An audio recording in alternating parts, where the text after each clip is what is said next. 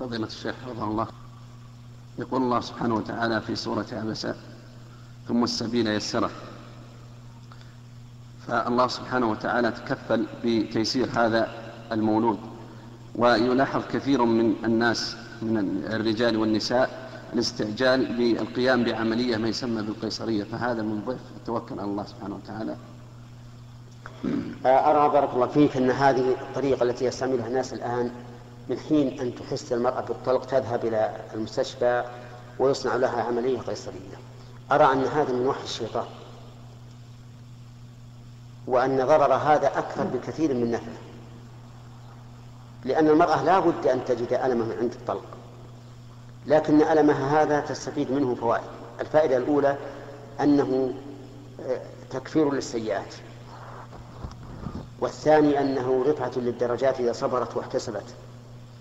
والثالث أن تعرف المرأة قدر الأم التي أصابها مثل ما أصاب هذه المرأة. والرابع أن تعرف قدر نعمة الله تعالى بالعافية. والخامس أن يزيد حنانها على ابنها. لأنه كلما كان تحصيل الشيء بمشقة كانت النفس عليه أشفق وإليه أحن. والسادس أن أن الابن أو أن هذا الحمل يخرج من مخارجه المعروفة المألوفة. وفي هذا خير له وللمرأة.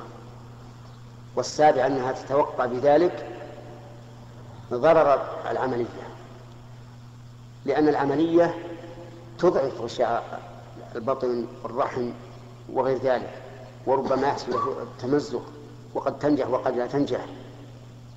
والثامن أن التي تعتاد القيصرية لا تكاد آه، آه، تعود إلى الوضع الطبيعي. لأنه لا يمكنها وخطر عليها أن تتشقق محل العمليات. والتاسع أن في, في إجراء العمليات تقليل للنسل.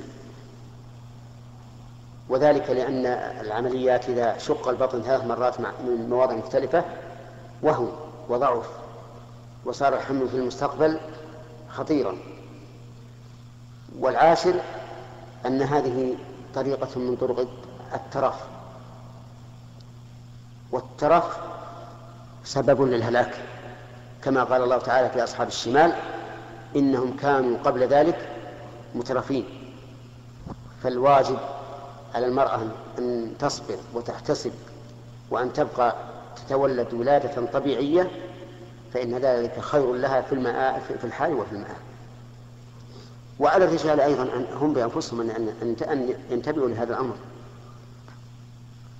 وما يدرينا فلعل أعداءنا هم الذين سهلوا علينا هذه العمليات من أجل أن تفوتنا هذه المصالح ونقع في هذه الخسائر. نعم. الترف لأن فيه توقي ألم, ألم الإجهاض الطبيعي وهذا نوع من الترف. والترف إذا إذا لم يكن معينا على طاعة الله فهو إما مذموم أو على الأقل مباح.